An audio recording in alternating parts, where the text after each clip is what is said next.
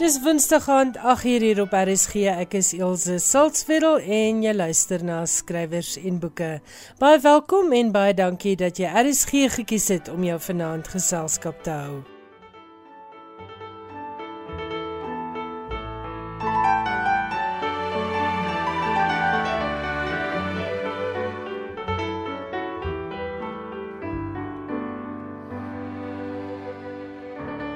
Die volgende byna 'n uur kan jy meer uitvind oor Maggie Offord, 'n Suid-Afrikaanse spanningsromanskrywer wat deesdae in Brittanje woon. Ons gaan gesels oor haar jongste boek, The Eye of the Beholder.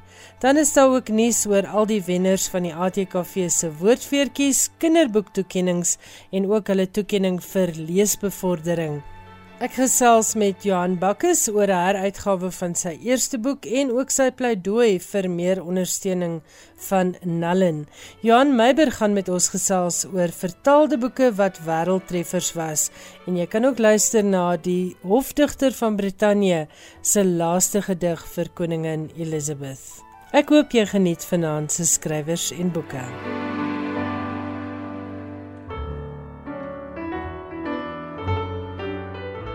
Jan Meiberg skop vir ons die program af met 'n huldeblyk aan die Spaanse skrywer Javier Marias wat onlangs oorlede is. Die Spaanse skrywer Javier Marias wat in 1997 die internasionale Dublin Prys gekry het vir sy roman vertaal as A Heart So White is verlede week in Madrid dood. Hy was 70. Marias is tot en met sy dood gereken as Spanje se groot aanspraakmaker op die Nobelprys vir letterkunde. In sy romans en kortverhale wat in soveel as 46 tale vertaal is, het Marias aangesluit by die werk van die groot Spaanse meester Miguel de Cervantes, spesifiek met betrekking tot sy hantering van die fyn lyn tussen werklikheid en fiksie maar ook met betrekking tot sy hantering van geheimhouding en verraad. Waarin hy uitgeblink het, is die manier waarop hy tyd in sy skryfwerk kan vertraag op so 'n manier dat 'n oomblik die gevoel kry van 'n geleefde lewe. Waarvoor hy ook bekend was, is sy oorvloedige gebruik van die komma. Hy is by geleentheid 'n reeks komma gebruiker genoem. Benewens skrywer was Marias ook vertaler 'n gegewe wat in sy skryfwerk gestalte gekry het in die opsig dat hy oor taalgrense beweeg het en vertaal aspekte deel van sy verhale gemaak het.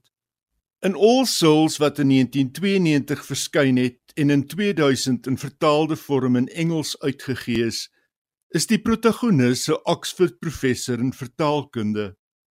A Heart So White, die roman waarmee hy internasionaal die aandag op hom gefestig het, is die liefdesverhaal van twee vertalers. Daarby het hy ander skrywers se werk vertaal in Spaans, onder andere Joseph Conrad, Thomas Hardy, W.H. Auden, Joseph Brodsky, Robert Louis Stevenson en J.D. Salinger. Sy lewe lank het hy institusionele pryse geweier om enige koneksie met 'n politieke party of mag te vermy. Die standpunt het daartoe gelei dat hy nooit die Cervantes-prys vir letterkunde, Spanje se belangrikste literêre prys, gekry het nie. Waarvoor hy wel kans gesien het, is lidmaatskap van die Spaanse Koninklike Akademie. Dit het hy in 2006 aanvaar. Dankie Johan Meiberg. Skrywers en boeke. Alles wat jy oor die boekewêreld wil weet en meer.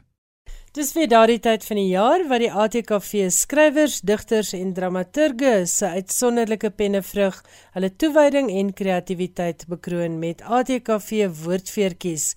Vanjaar se wenners lyk as volg: Die gesogte ATKV prosa prys word vanjaar toegekend aan Gerda Taljaard vir haar roman Vier Susters, uitgegee deur Penguin Random House.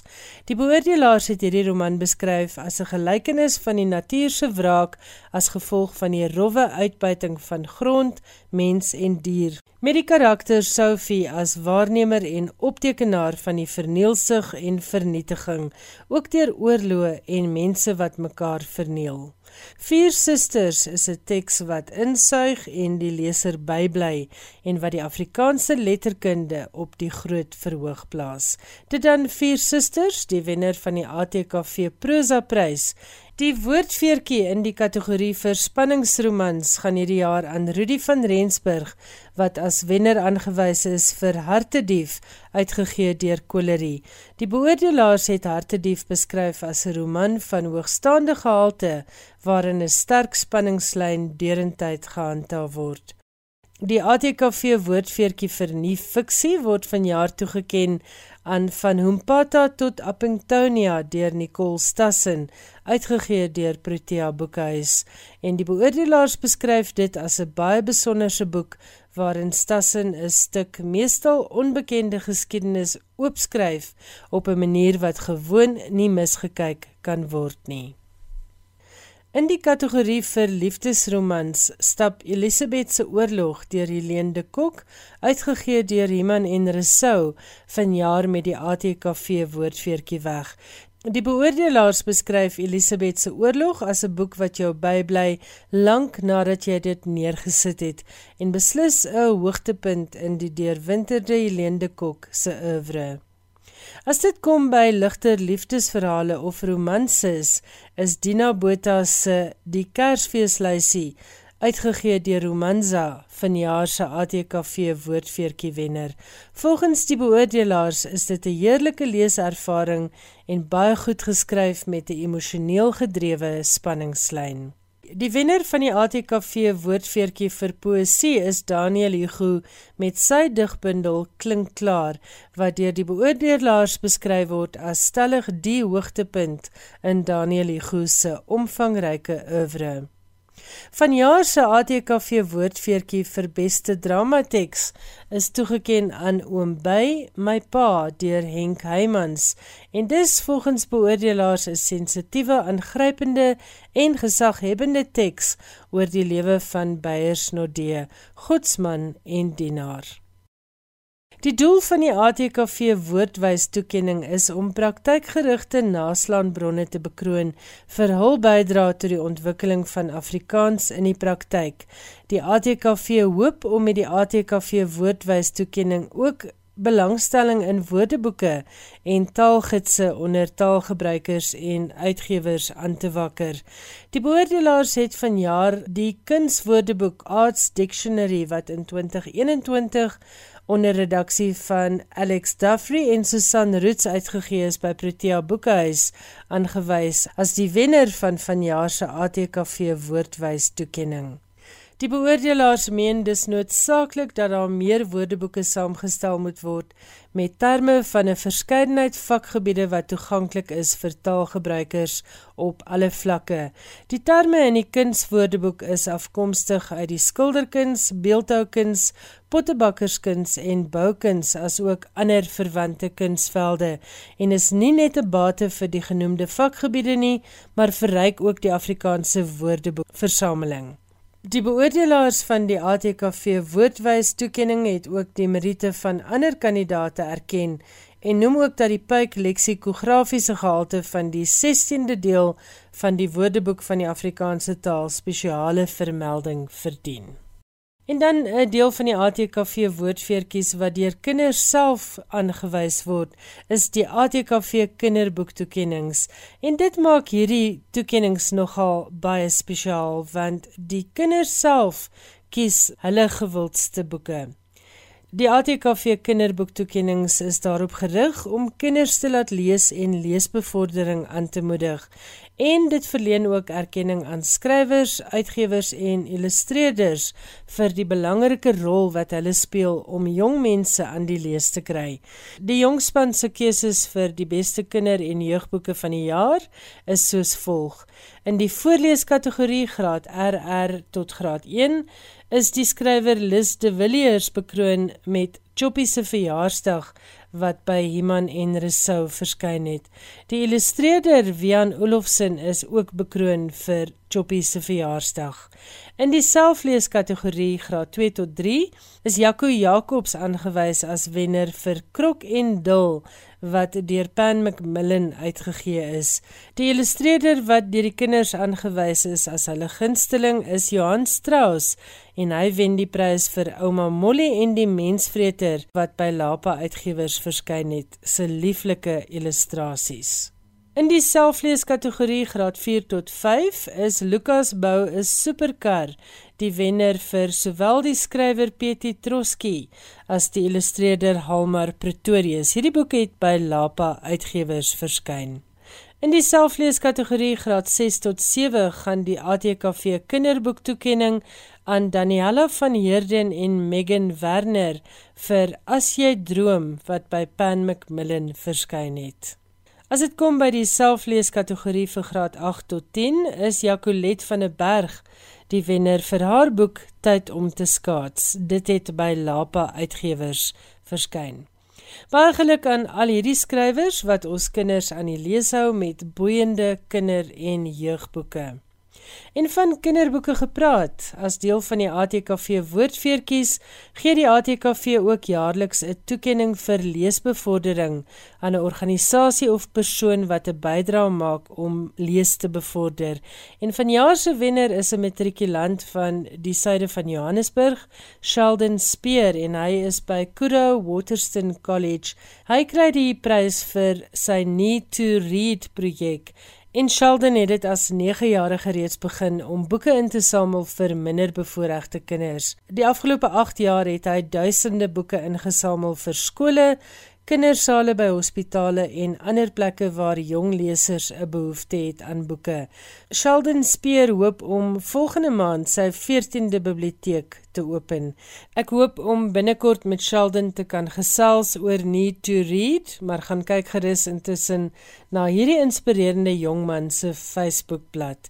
Need to Read. Van skrywers en boeke se kant af baie geluk aan al die ATKV woordfeertjie wenners en ook die wenners van die ATKV kinderboektoekennings en dan Sheldon Speer wat die toekenning vir leesbevordering van die ATKV gekry het. Skrywers en boeke elke woensdag aand tussen 8 en 9.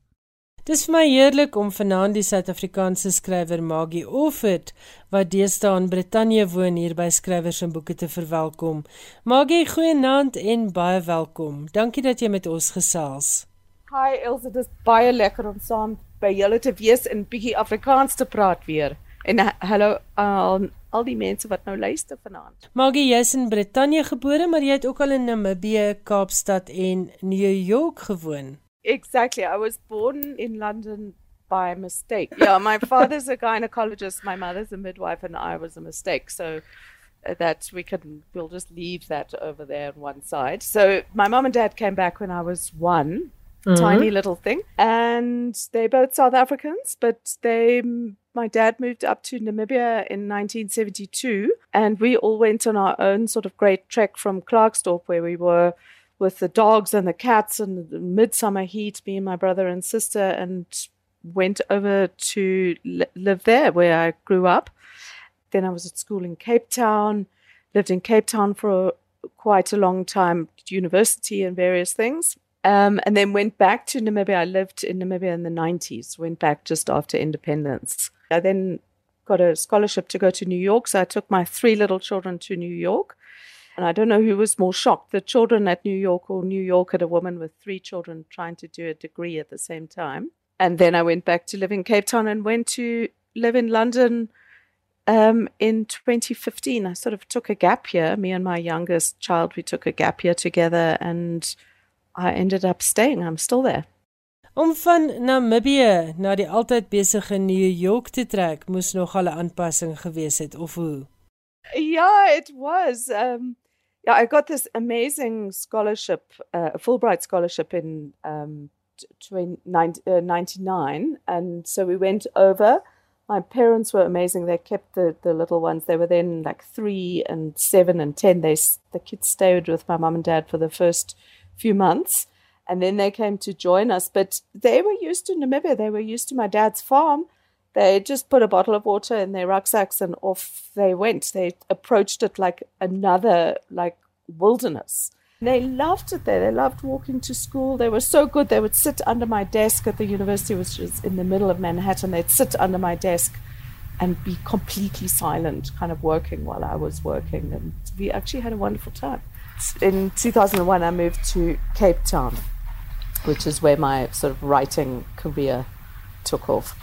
Maggie, ek is 'n groot aanhanger van jou werk. Ek het dit so rondom 2008 ontdek met Like Clockwork, Blood Rose wat in 2009 gevolg het en daarna Gallows Hill en ook Daddy's Girl en Water Music, alles met Claire Hart, 'n vrouespeler as hoofkarakter.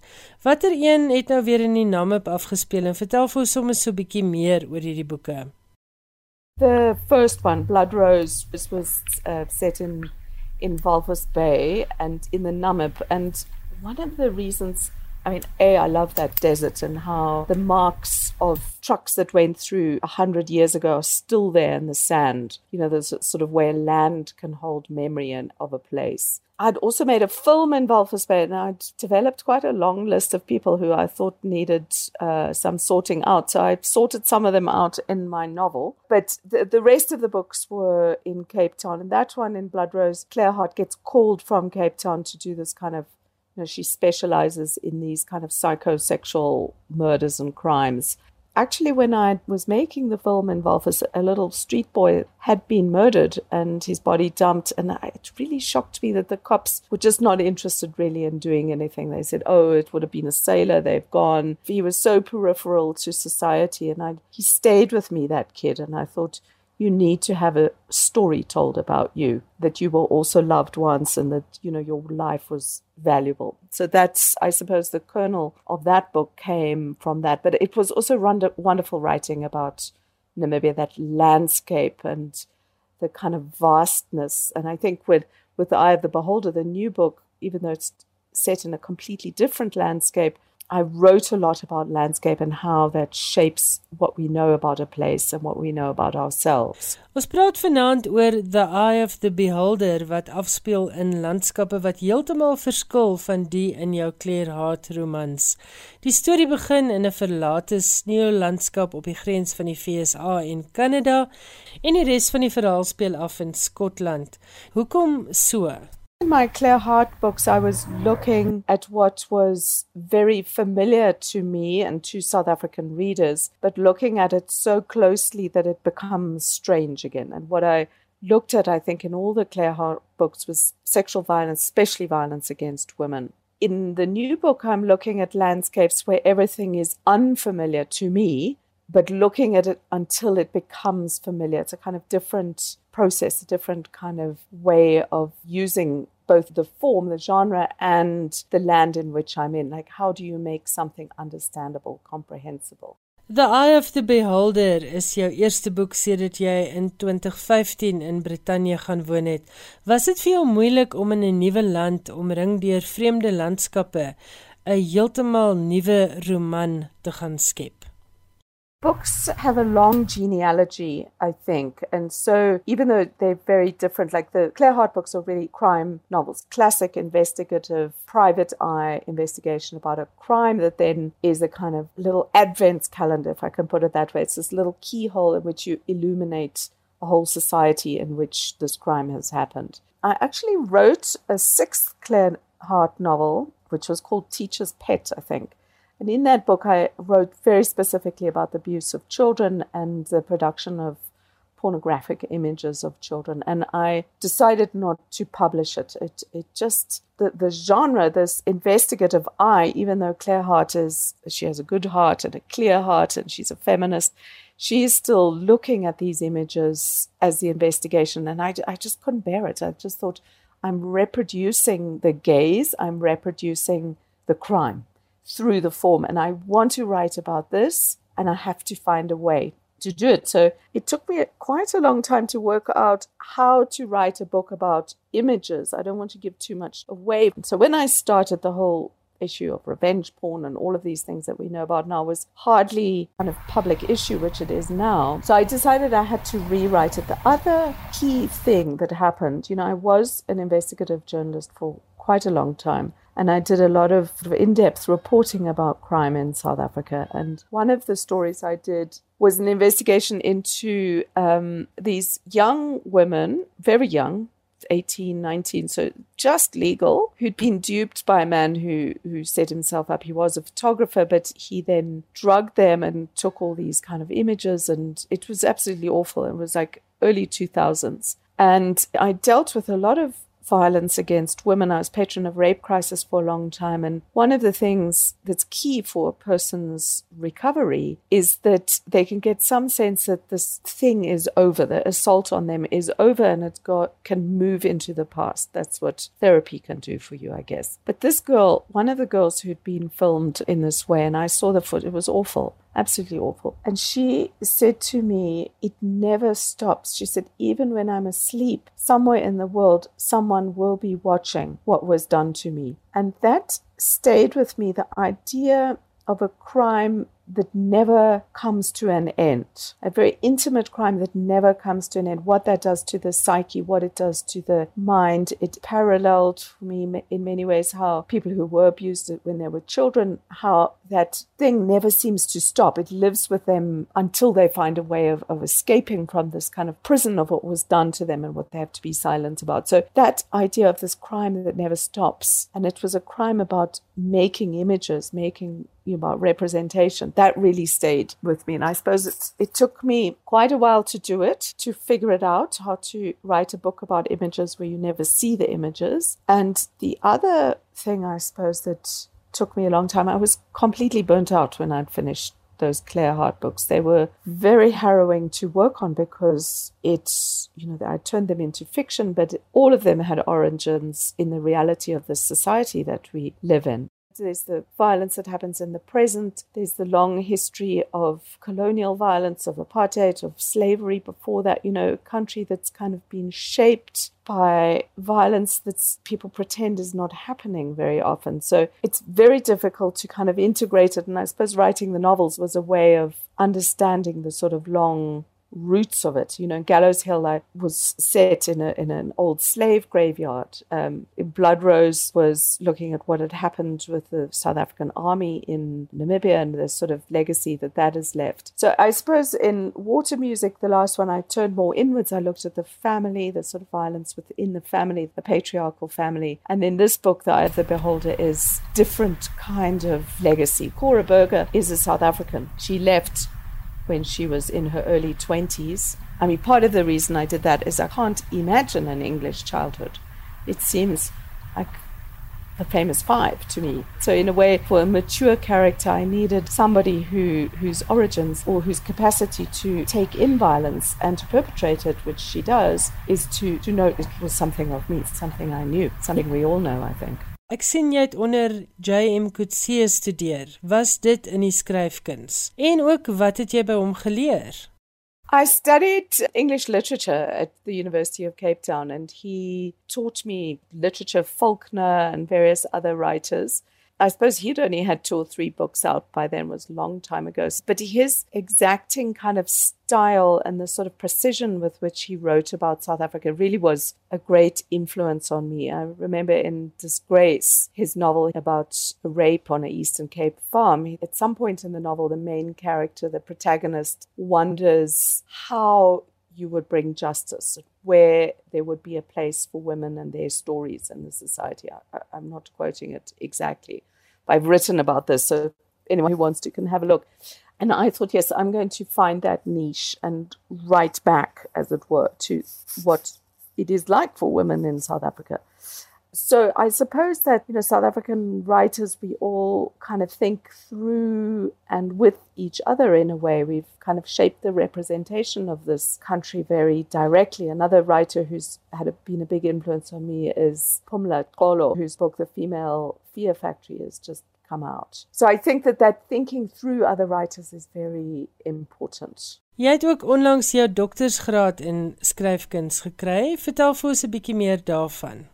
So I did a PhD by publication, which I looked at my Claire Hart novels and kind of looked at what I was saying about violence and women and democracy and the post 94 democracy where it hasn't fulfilled itself, it's fulfilled its promises. So that was really interesting to look at my own work. But the spookiest part was I had to do a literature review, obviously, is, is to find how many people have written articles, academic articles about my work and, you know, sort of like whole dissertations on it. It was like there's a whole other Margie Alford who, unbeknown to me, has kind of lived on in this like world of academia, which I must say was really it was a good feeling to think that what I've written has gone out into the world and has been an illumination about the times that one aspect of the times that we've lived in. I think you're very honored if you're a writer and what you've written reaches people enough for them to kind of study what you've done and what you've said as a way of understanding the world we live in. So I was very grateful to all those people who stayed up late writing essays about my work. Maggie Offord, jy skryf nie net misdaadromans nie, maar ook kinderverhale en voorgeskrewe boeke en jy het jare lank as joernalis gewerk. Vertel ons meer oor jou pad met woorde. I mean, I've just written all my life. It's the only thing I really know how to do, or told stories. I started working as a journalist at university, actually, at the University of Cape Town for varsity newspaper. And when I went up to Namibia, I started working with a publisher, New Namibia Books, and I wrote myself. And to me, I've always told stories to make sense of the world that I am in and to kind of reflect kind of little things that catch my attention or things that intrigue me that I want to kind of figure out and understand. I also write to make a living, so I've got absolutely no standards. Whatever you need writing, if you pay me, I will write. I mean, I've got children to put through school. I mean, they're all grown up and doing very well now, but all of it I thought was practice. I mean, I did a book on climate change. I did a book on rural South Africa. It was absolutely fascinating. These tiny little towns, which I wrote that in 2001. It was called Rural Voices. So the, the sort of more anthropological or social side of the writing informed, has informed how I understand the society that I live in one of the things I find difficult about living in the UK as a writer is even though I was born there and I speak English and I can even pass as an English person, it's utterly strange to me. I, I don't know its engine, if that makes sense. I don't know its landscape. It always comes to me as something that's new. I feel more of an affinity in Scotland, which is more open and more remote, and there are fewer people. But it's very interesting as a writer coming into a place which really one is a stranger to. You you approach it in a different way, in a more more isolated, I suppose, in a way. But it, I find it equally fascinating, and I find the sort of understanding of how a society works, like a South African society, especially how the violence works. I see patterns of behavior in the UK, for instance. I saw it in the US. It's more obvious, I think, perhaps than in England, that I will read in a particular way that people who live there don't see. But then they come here and they see things that I can't see here because I'm too close to South Africa. So it's it's a loss and a gift at the same time. This strangeness of being a stranger. Dit was Maggie Offit wat met my gesels het oor haar nuwe roman The Eye of the Beholder. Dit word uitgegee deur Jonathan Ball.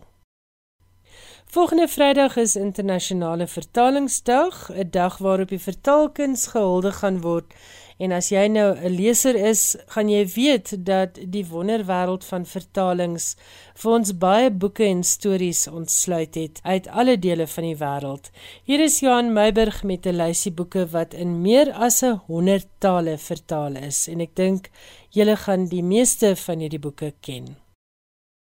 Internasionale Vertalingdag word op 30 September wêreldwyd gevier 'n projek van die VN om die belang van vertaalde werk te benadruk. Met die tema 'n wêreld sonder grense word op die dag hulde gebring aan vertalers en taalpraktisyns wat onverpoos daartoe bydra dat ons boeke in vertaalde vorm in die hand kan hou en met een toegang kan kry tot wêrelde wat andersins vir ons geslote sou gebly het. Ek het op die lysie afgekom van boeke wat in vertaalde vorm uitgeblink het. Dis boeke wat in meer as 100 tale vertaal is. Bo aan die lys is The Little Prince deur Antoine de Saint-Exupéry, 'n boek wat oorspronklik in Frans geskryf is en in meer as 380 tale vertaal is. Tweede is The Adventures of Pinocchio deur Carlo Collodi wat oorspronklik in Italiaans geskryf is en in meer as 300 tale vertaal is. Alice's Adventures in Wonderland deur Lewis Carroll, oorspronklik in Engels geskryf, is in meer as 175 tale vertaal. Andersen's Fairy Tales deur Hans Christian Andersen is oorspronklik in Deens geskryf en is in meer as 160 tale vertaal.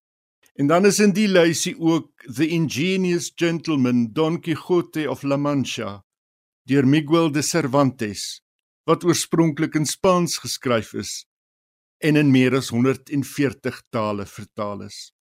Waar sou ons gewees het sonder toegang tot die juwele? Baie dankie Johan Meiburg.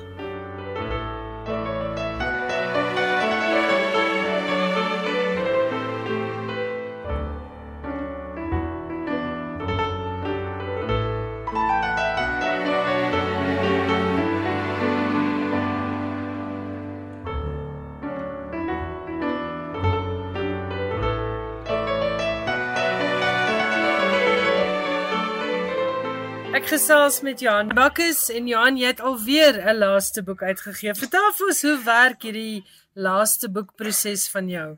ja, Elsje baie dankie. Kyk, elke boek van my is my laaste boek want ons weet mos nooit of waar weer 'n ander boek daarna gaan gebeur nie. My heel eerste laaste boek was Moer toe die vreemde en hy's 20 jaar gelede geskrywe. Nou wat gebeur het is my laaste laaste boek was Erfgeld te swerfgeld. Daar het ek so dit was outobiografie en 'n storie oor my pa en my seun.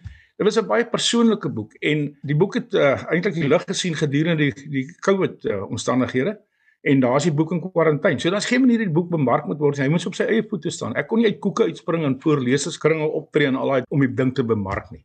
Maar dit was regtig waar per sy was dit so so my laaste boek. Maar in die proses kom ek toe nou agter dat uh, my ou boeke is uitdrukheid en die mense soek die ou boeke. Dit moet dan veral my behaal kan kry, maar dit is net nie meer beskikbaar nie. En toe het Protea Boekhuis gesê net maar kom ons gee die goed heruit. En uh, ek was bevoorreg geweest dat ek die kopiereg en outeursreg van al my boeke gehad het. Ek en Deborah Steinmar my redakteur het toe gesit en toe sê ek, "Oké, okay, kom ons kyk wat het 20 jaar na Moer toe die vreemde wat my heel eerste laaste boek was gebeur." En toe gegee dit het ek weer die boek gaan lees en dit was baie ek wil eintlik sê baie snaaks om 20 jaar na na die maal weer die goed te lees wat ek geskryf het. En ek verstaan nou heeltemal hoekom ek nooit die Hertzogprys sal kry nie. Ek dink die naaste wat ek aan Hertzogprys sal kom is my vrou vir my Hertzog koekies bak, maar langs die rekord maak dit was wonderlik om weer die verlede te herbesoek. En wat ek toe gedoen het is ek het eintlik die ding is bygewerk want dit is 'n klompie kortverhale. Al my verhale was gebaseer op die waarheid of is die waarheid. En ek kon sê maar 20 jaar daarna het dit en dit en dit gebeur met die omstandighede van die storie. En dit was vir my baie lekker. Dit is nou maar eintlik waar my eerste boek weer heruitgegee word. Nou is hy weer my laaste boek. Iewers het ek gelees, ek dink op die agterblad is baie gereis ook, nie net baie gewerk nie. Het jy 'n bietjie gaan terugreis op jou spore? Miskien nie altyd fisies nie, maar onthou net in die 20 jaar het was daar sekere herbesoeke gewees. So ek het dit bygewerk gegee wat die omstandighede soos dit nou was. Ek het ook eintlik bietjie 'n voorwoord voor 'n voorwoord wat 20 jaar gelede is ook geskryf om te verduidelik hoe ek begin skryf het op 42 jarige ouderdom. Wat dit gesorg dat ek my hand en pen op papier uh, gewaag het. So dit het ek bygewerk en dan ek bedoel as ek nou dink aan die aan die aan die situasie in in die Hinsberge, ek was wel weer daarna in die Hinsberge. Uh dis 'n storie wat ek gedink het ek sien die uitgestorwe kwaggas daar in een van daai rafyne daarso in. So dit, dit was nie dat ek spesifiek weer vir die boek gaan byreis het nie. Dit het maar gekom gegee wat die die lewe van 20 jaar wat ek geleef het. Johan en dis ook eintlik seker maar 'n kopreis gewees wat jy onderneem het, né, want jy kyk terug op jou lewe. Dit is so ja. En weer eens het dit begin ook met met erfgeld te swerfgeld, want erfgeld en swerfgeld het ek my lewe in oorskry geneem. En my pa se en die invloed wat hy op my lewe gehad het. So ek is eintlik dink ek nou in die proses om in die verlede in te lewe op pad na die toekoms toe. Maar jy weet ek wil ek sit nou in daai situasie waar die universiteit nou al vir my gesê het, luister ek is nog nou te lank daar by hulle, ek moet nou aftree, jy weet. En, en dit maak seker dat hulle ou so al van die verlede in terugdelf. Maar daar's altyd nog die die reis wat voor lê. En die reis maak die storie. Dis eintlik maar my hele lewens uit uitkyk is maar ek moet ry sodat ek die storie kan vertel. En jy het 'n wonderlike reisgenoot vir die luisteraars wat dalk nog nie jou boeke gelees het nie. Daar's 8 bundels waarin jy vertel hoe jy met Pop reis. Nou vertel die luisteraars wat nie weet nie net so bietjie meer van Pop. Ja, Pop is eintlik 'n boerling van Fushinis in Tezerist. Nou wat gebeur het ook 40 jaar oud was, dit is nou 25 jaar gelede. Dis ons so 'n paar manne wat na Botswana toe gaan om my 40-jarige mondigwording te gaan vier. En ons kom so 9:00 die oggend daar op Zerust aan en gooi brandstof in en daar ek in die straat afstap staan die blonde dame in die venster van Puccini's en ek dink dis 'n sinnelose oefening dat ons nou uh 10 manne en sonder 'n vrou hier in in die in, in die sentraal Kalahari ingaan. En dis toe net daar waar ek toe na die winkel bestorm om vir die mense vra of ek pop kan koop. Sê hulle nie net al klere is te koop. Dis sê ek net maar as ek al klere koop, gaan ons sê mos nou kaal hier in die venster staan. En dis nie regverdig nie. Toe koop ek die pop en daar het ek nou met die ideale vrou wat nooit gaan vra nou hoekom doen jy dit hoekom ry jy nou die paai en hoekom is die musiek so hard sy gaan dood eenvoudig net alles vat soos dit kom stap ek toe met die ideale vrou kaalgat onder my arm in Zere se straat daar Maar Johan, jy is soort van met die ideale vrou getroud want ek ken jou en, waar, en ja. jy's bietjie hiperaktief. Ek dink jy het altyd jekende voete, jy moet altyd iewers heen reis. Wat sê jou vrou van hierdie boeke en al die reisery? Jy weet, uh, my vrou Nana sê lief ook die reis en ek wil was dit nou nie vir haar nie.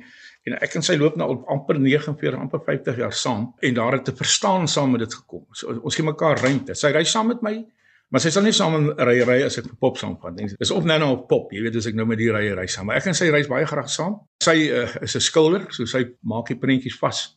En sy's ook 'n sielkundige. Uh, ek sou nou nie sê baie goeie een nie, maar my kop is nog steeds in mekaar en dit na 50 jaar. Maar ehm um, nee, uh, uh, ek en sy sy is sy is eintlik my ideale reisgenoot. En dat sy my nie weggejaag het nie. Sy het al moord oorweeg en sewe keer die prokureur gaan sien, maar is uh, is ook 'n godswonder. Ek ek is baie gelukkig met haar saam. Ek, ek weet nie of sy so gelukkig met my saam is nie, maar is okay. Ja, en hierdie is nie die eerste eh, bundel wat Protea nou bywerk en heruitgee nie, is die ander bundels wat uitdruk uit is ook op pad. Hulle is in proses uh, Ilse ja. Die volgende een is uh, nou soos in onder hy sou my waar dit sou klaar afgehandel. Like, hy gaan eendag anders daar gaan in die rakke slaan. Dan Norfolk uh, Fuke met 'n V O met 'n streepie deur die K.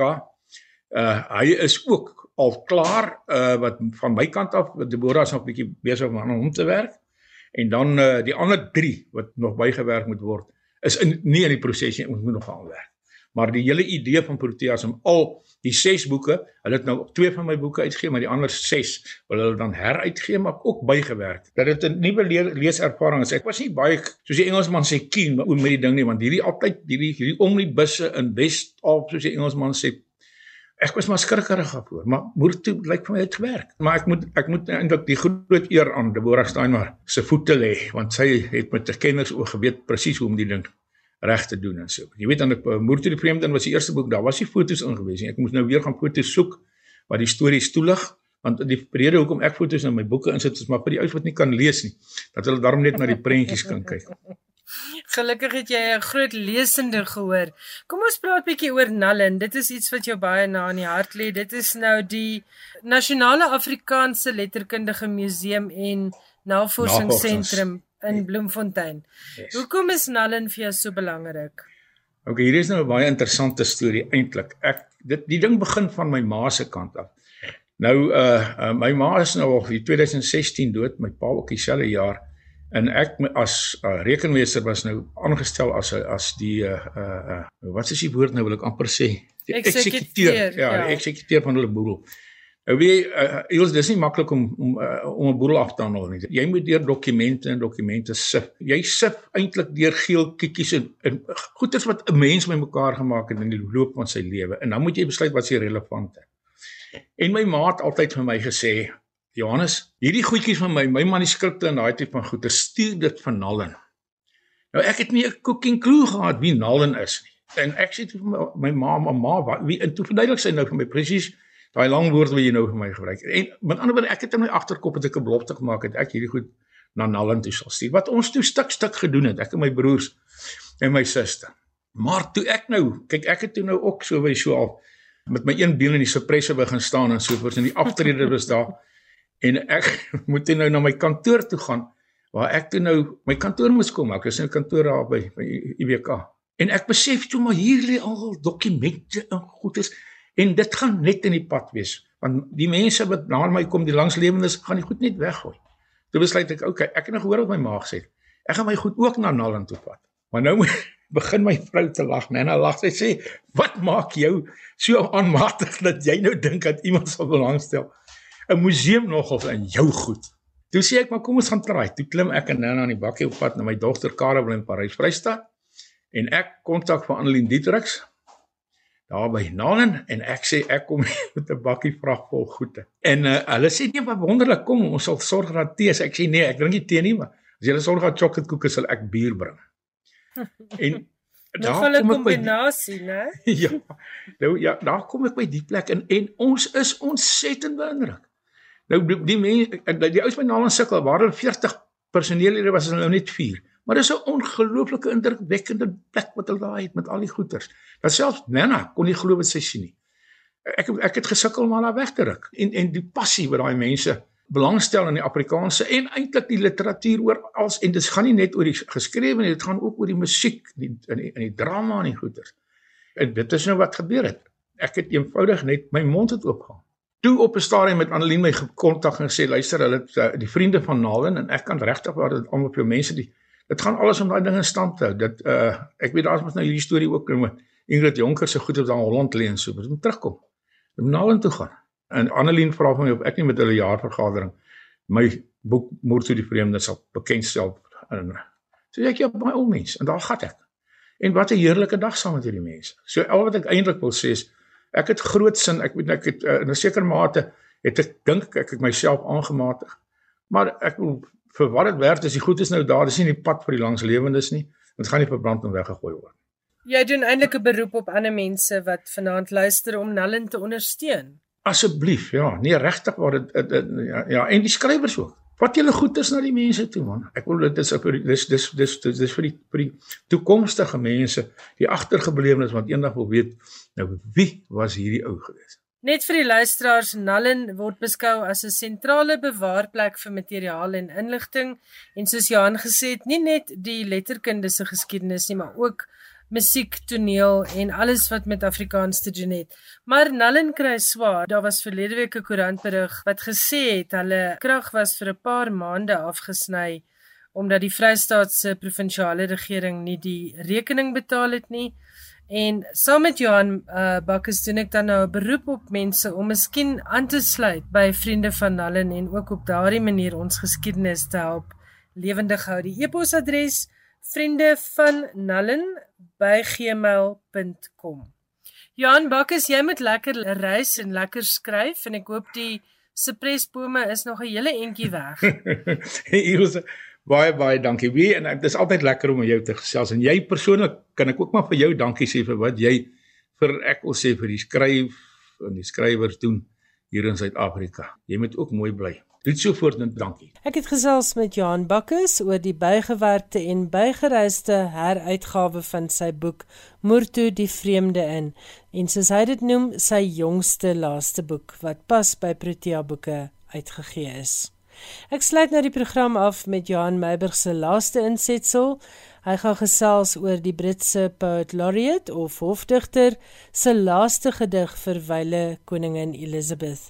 Jy kan ook luister na Simon Armitage se voordrag van hierdie gedig. Die een taak van 'n poet laureate is dat die hofdigter of dan amptelike digter in versvorm uiting moet gee aan die vreugde en versigtiging van die mense vir wie hy of sy skryf en dan om 'n bepaalde belangrike gebeurtenis in poësie te verwoord. Vroeger vanjaar tydens die viering van koningin Elisabeth II se jubileum het die Engelse poet laureate Simon Armitage die gedig Queenhood geskryf waarmee hy uiting gegee het aan haar mylpaal van 70 jaar op die Britse troon. Nou met die heengaan van die monarg het Armitage deur middel van sy uitgewer Faber 'n gedig gepubliseer wat beskryf word as 'n portret in die vorm van 'n blommeruiker. Dit is bekend dat die lelie der dale of in Engels the lily of the valley die koningin se gunsteling blom was. En dit is die blom wat Armitage as metafoor gebruik in sy portret van die koningin. Die gedig bestaan uit twee verse van 9 reëls elk. En in albei verse maak die digter gebruik van akrostiek, 'n stylvorm wat dit moontlik maak dat die naam Elizabeth in elk van die verse ingebed word. Elke reël begin met die letter van die naam sodat 'n mens die naam Elizabeth vertaal aan die begin van elke vers kan lees. Armitage is in 2019 aangestel as amptelike digter, die 6ste hofdigter in die 70 jaar wat Elisabeth II op die troon was. Die ander 5 was Cecil Day Lewis, John Betjeman, Ted Hughes, Andrew Motion en Carol Ann Duffy.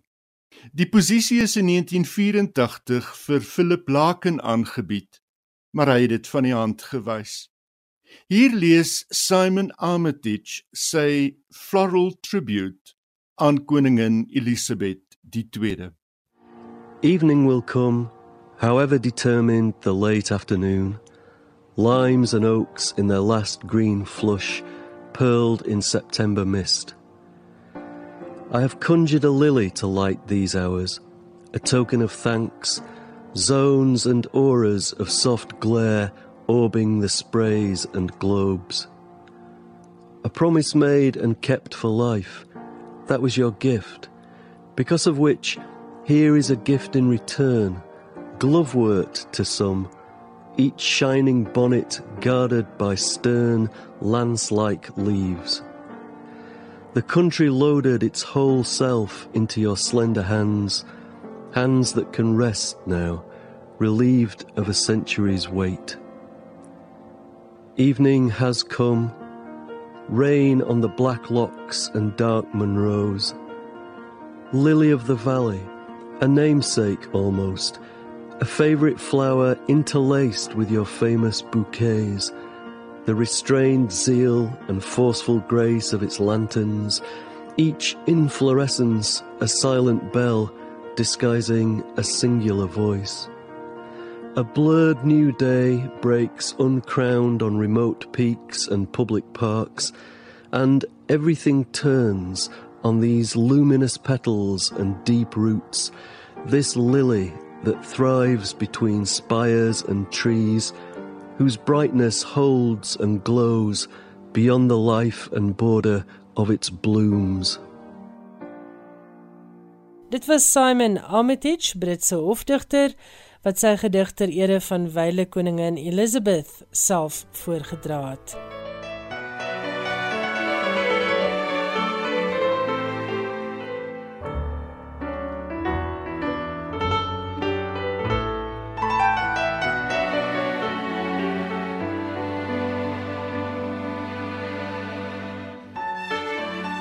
Ongelukkig het dit nou tyd geword om te groet, maar ek sê dankie aan elkeen wat vanaand saam met my en Johan Meiburg hier by Skrywers en Boeke gekuier het.